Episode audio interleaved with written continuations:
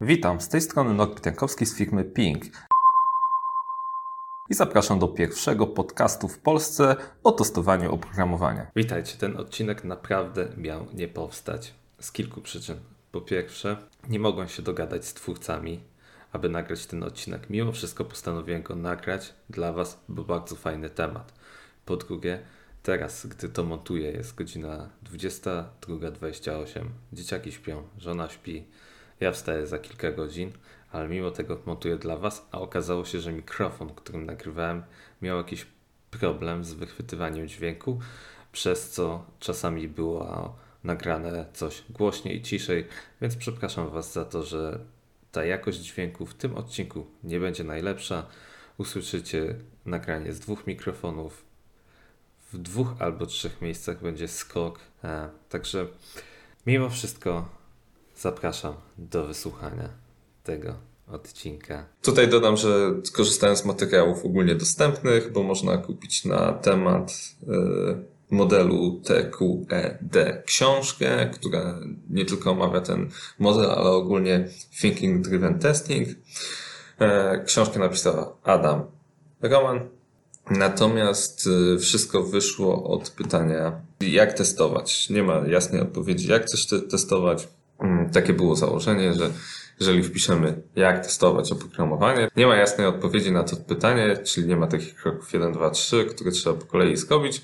Są jakieś ogólne wytyczne, czy to dotyczą UX-a, czy samego testowania, na przykład przetestuj całą funkcjonalność. Natomiast Adam spróbował do tego podejść mm, z innego punktu widzenia i tu się wzorował na fizyce, gdzie są pewne wartości opisujące zjawiska fizyczne. Tak on stworzył cztery elementy, które mają właśnie opisywać jakby obszary testowania. I właśnie to jest y, nazwa modelu, właśnie się wzięło. Wzięło od tych czterech elementów, czyli czas, y, ilość, dane oraz zdarzenie, czyli data, event, quantity, time. E, mi osobiście koncepcja się Podoba. Model jest o tyle ciekawy, że pomaga w sytuacji, w której tester decyduje, co ma być przetestowane. Wspomaga kreatywność, e, pomaga wygenerować idee testowe, które później można przełożyć na przypadki testowe. I od czego zaczynamy? Zaczynamy, od wspomnianych elementów i określenia ich, e, czyli ilości, to jest jakiś zbiór, E, zdarzenie, czyli na przykład wciśnięcie przycisku, dane to na przykład są dane wejściowe, które mamy, jakieś nazwy, ciasteczka w przeglądarce, czas, no to może być coś przed, coś za, to co się dzieje teraz. Później mamy taki właśnie e, proces, e, później mamy proces. Znaczy, najpierw w tym procesie definiujemy to, co przed chwilą powiedziałem, później tylko sprawdzamy, jakie są kombinacje tych elementów, czyli na przykład dane z danymi, dane z czasem, e, czas z ilością. Później to interpretujemy i z tych interpretacji są jakieś właśnie idee testowe. Jeżeli w trakcie coś pojawi nam się jakiś nowy element, to dodajemy go i powtarzamy kroki. Podczas jednego filmu, który widziałem na Facebooku, to był live z mm, wystąpienia Adama w Warszawie w polsko-japońskiej szkole. Na ten właśnie temat był tam przykład e, biletomatu, mm, gdzie właśnie dane to jest e, nominał, ilość to jest wartość brzegowa i na przykład jeszcze raz dane to są e, całkowita cena. I tutaj mogliśmy połączyć w różny sposób to, na przykład nominał z ilością, czyli użyj monet o minimalnej wartości.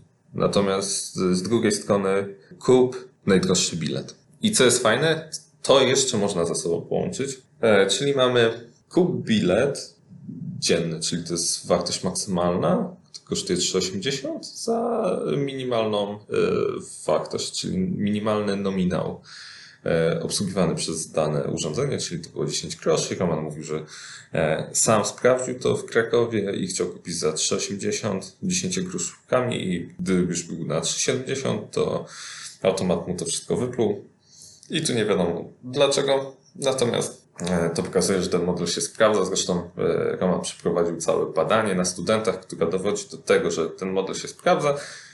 Natomiast też nadmienia, że samo badanie może być tam e, jakimś błędem, jak, może mieć jakiś błąd. Do tego sam dodaję, że mimo tego, że model jest uniwersalny, bo to jest zaznaczone na wstępie, że mm, model jest konkretny i uniwersalny, bo na przykład tablice decyzyjne są konkretne, ale nie, uniwersalne, natomiast zgadywanie błędów jest uniwersalne, ale nie konkretne.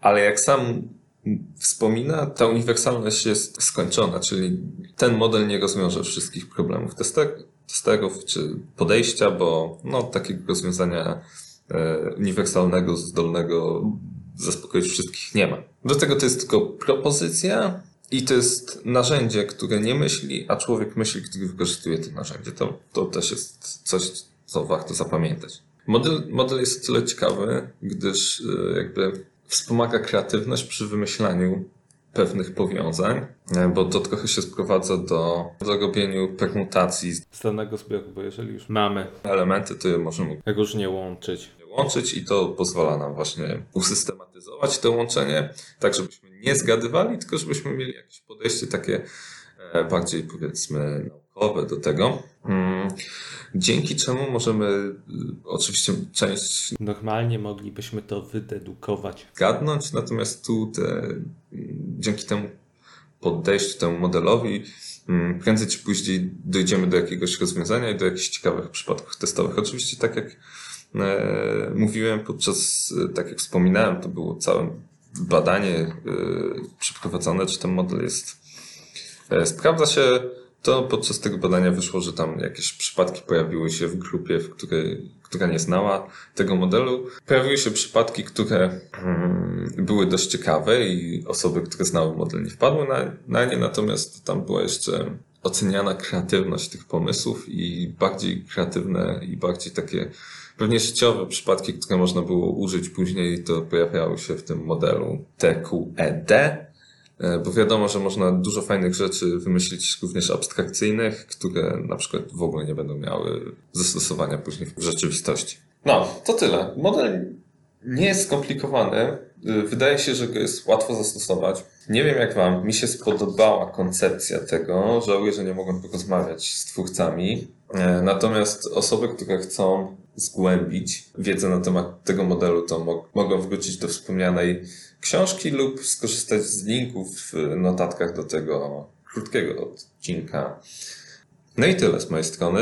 E, Dziękuję Wam, że wysłuchaliście kolejnego wspaniałego odcinka. Mamy okres wakacyjny, mm, więc y, tym, którzy się wybierają, to życzę wspaniałych wakacji.